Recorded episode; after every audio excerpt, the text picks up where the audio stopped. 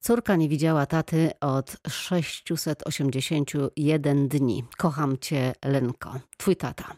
To jeden z billboardów, który pojawił się w ramach kampanii Stop Alienacji Rodzicielskiej. Inny billboard. Syn nie widział taty 719 dni. Kocham cię, Patryku. Tata. Córka nie widziała mamy 1020 dni. Kocham cię, Aneczko. Twoja mama. Muszę powiedzieć, że jak zobaczyłam te billboardy, to zrobiło mi się strasznie smutno. Ale też pomyślałam, że to bardzo ważne, że to bardzo ważne, że takie rzeczy pojawiają się w przestrzeni publicznej. A z nami w studiu jest y, sprawca tych, y, tej akcji, Przemysław Łukoszek, ojciec, inicjator akcji. Dobry wieczór. Dobry wieczór. Za chwilę porozmawiamy z panem, od pana zaczniemy, ale jeszcze przedstawię innych gości. Sylwia Jastrzębska, sędzia sądu, rzecznik Sądu Okręgowego we Wrocławiu. Dobry wieczór. Dobry wieczór. I pani Grażyna Górka, mediator. Górska. Grażyna Górska, mediator. Górska. Dobry wieczór Państwu. Dobry wieczór. Panie Przemysławie, zaczniemy od Pana. Skąd ten pomysł na to, żeby takie billboardy powiesić? Bo najpierw powiesił Pan, teraz jest ich więcej w Polsce, tak. ale najpierw był jeden Pana billboard, osobisty. Znaczy tak, bo niestety ta historia tak samo dotyczy mojej osoby i najpierw tak jak pani mówi, że był jeden billboard, ale nawet nie jeden, tylko było więcej, tak? Akurat w Poznaniu pojawiły się dwie sztuki, jeśli chodzi o to, a w Raciborzu miejscu rodzinnym de facto moim, jak i córki pojawiło się po prostu pięć sztuk, tak? córka tego... ma na imię Julia. Julia, tak. Córka ma na imię Julka na dobrą sprawę 3,5 roczku ma, w styczniu będzie miała 4 latka. I nie widział pan jej długo? Tak, nie widziałem jej długo de facto od postanowienia sądowego, które było 12 lutego do 18 września córki Julki nie widziałem. Miał pan papier w ręku, miał tak. pan postanowienie sądu i co? I co, miałem postanowienie sądu, ale niestety matka tego nie respektowała. Powiedziała, że nie może wydać mi dziecka, bo nie ma takiej możliwości. To nie jest e, jednostkowy przypadek. Po tym, jak pan powiesił swoje billboardy, zgłosili się do pana inni. Tak, zgłosili się, pytali się, jak ja to zrobiłem, skąd taki pomysł, dlaczego tak to wyszło i tak dalej, i tak dalej. Tak? Pełno telefonów, pełno zapytań. I no, można powiedzieć, jest kontynuowana dalej ta kampania, tak? Ja czytając te billboardy, zastanawiałam się przez moment, czy to są prawdziwe historie, czy to jest jakieś zmyślone. Czasem w kampaniach społecznych używa się jakiegoś imienia, powiedzmy przysłowiowego, ale niekoniecznie za tym idzie prawdziwa historia. Te historie wszystkie są autentyczne. Tak, są autentyczne, są historie właśnie dokładnie tak. Nie chciałam, żeby to było wystane z palca, tylko właśnie, żeby były autentyczne historie, ile dni po prostu dziecko nie widzi ojca bądź matki. No właśnie, pani sędzio, e, pani rzecznik. Jest postanowienie sądu. Taki rodzic, matka czy ojciec, nieważne, ma to postanowienie w ręku. I rodzic mówi: A ja ci nie dam dziecka, ja nie pokażę. I to trwa miesiąc, dwa, trzy, rok. Przede wszystkim jest to e, sytuacja bardzo traumatyczna dla samego dziecka, ponieważ e, traci kontakt z tatą albo traci kontakt z mamą i dziecko nie rozumie tej sytuacji. Natomiast rodzic, który nie respektuje takiego orzeczenia, e, czuje się silniejszy, czuje, że ma przewagę nad tym rodzicem, z którym to dziecko nie mieszka.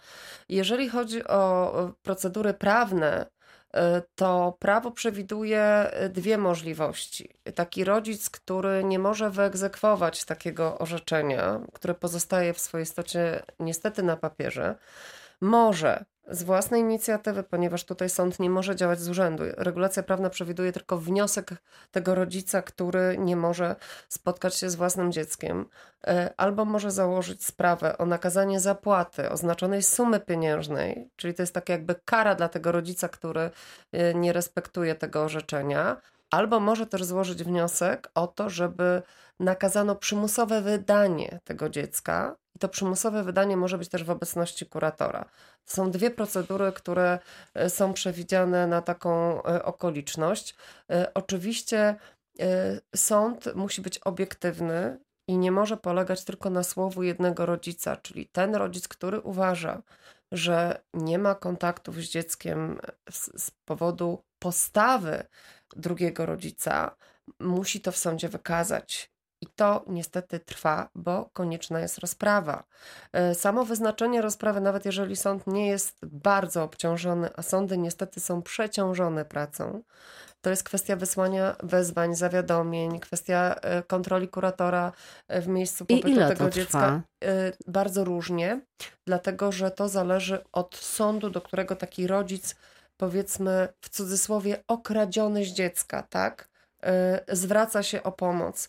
E, e, Albo to zależy od sądu, gdzie to dziecko pozbawione rodzica przebywa. Ale to Możemy może dwie być, strony. to można mówić, że to może trwać miesiącami. To zależy od tego, jakie fakty są podnoszone w tych postępowaniach. Niestety, bardzo często rodzic, który nie chce wydawać dziecka, powołuje się na to, że dziecko było molestowane, że było bite.